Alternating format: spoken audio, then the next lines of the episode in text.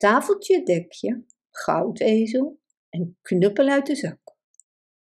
Er was eens een kleermaker met drie zonen. Rijk hadden ze het niet. Op een dag vond de kleermaker het de hoogste tijd dat de jongens het huis zouden verlaten om een vak te leren. En daarom stuurde hij ze alle drie weg. De oudste zoon ging in de leer als meubelmaker. Jongen, zei de leermeester, ik dank je voor je enthousiasme voor het vak. Je kunt het nu zelf.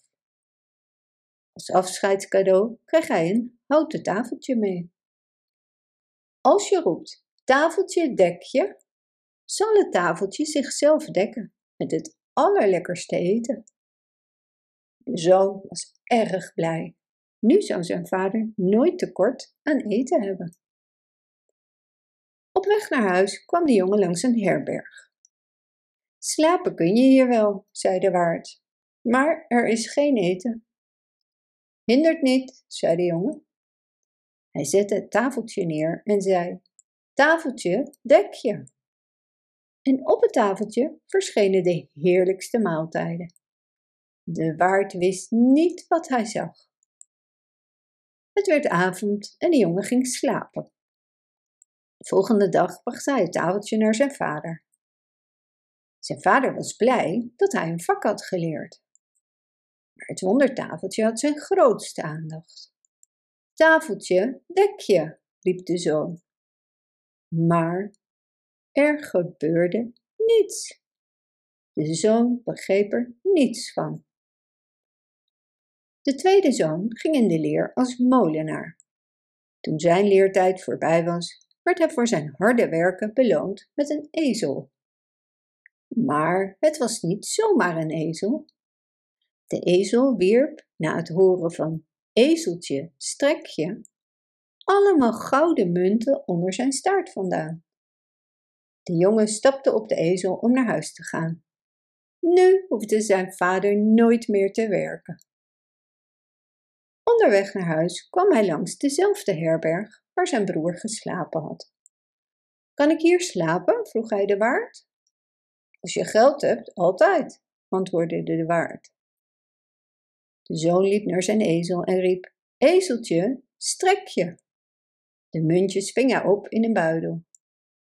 De waard, die het toevallig zag, was stom verbaasd.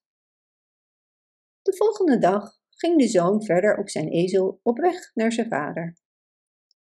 Thuisgekomen kon hij niet geloven dat de ezel geen munten meer gaf. Ik begrijp er niets van, riep hij wanhopig. De vader schudde zijn hoofd. Het is maar goed dat je in ieder geval een goed vak hebt geleerd, zei de man, en wist niet goed wat hij ervan vinden moest. Hij schreef zijn derde zoon een brief over de tafel en de ezel. De derde zoon was in de leer gegaan als timmerman. Hij las de brief voor aan zijn leermeester. Deze zei: Ik denk dat je broers zijn bestolen. Hij gaf de zoon een zak met een knuppel. Neem dit cadeau van mij als dank voor al je harde werk. Als je roept, knuppel uit de zak, zal de knuppel degene die het verdient een flink pak rammel geven. Op weg naar huis kwam de zoon langs de herberg waar ook zijn broers hadden overnacht. Hij vroeg de waard of hij iets te eten had. Jazeker, antwoordde de waard. Je kunt hier eten zoveel je wilt en wanneer je maar wilt. En hoorde de zoon nu de waard in de keuken tafeltje dekje roepen? Binnen een seconde stond er een warme maaltijd op tafel. Zo, dat is wonderlijk, zei de jongen. Zo snel heb ik dat nog nooit meegemaakt. Maar een nog groter wonder heb ik hier. En hij wees naar de zak. De waard vroeg wat dat dan was, maar de zoon weigerde het te vertellen. Die nacht sloop de waard zijn kamer in, precies zoals de zoon het had verwacht. Knuppel uit de zak, riep de zoon. En de waard kreeg het grootste pak rammel dat hij ooit had gehad. Geef mij de tafel en de ezel van mijn broers terug, sprak de zoon. Of ik laat de knuppel voor altijd uit de zak. En zo kwam het dat de zoon met een bijzondere tafel en buitengewone ezel bij zijn vader aantrad, die nooit meer hoefde te werken. En ze leefden alle vier nog lang en gelukkig.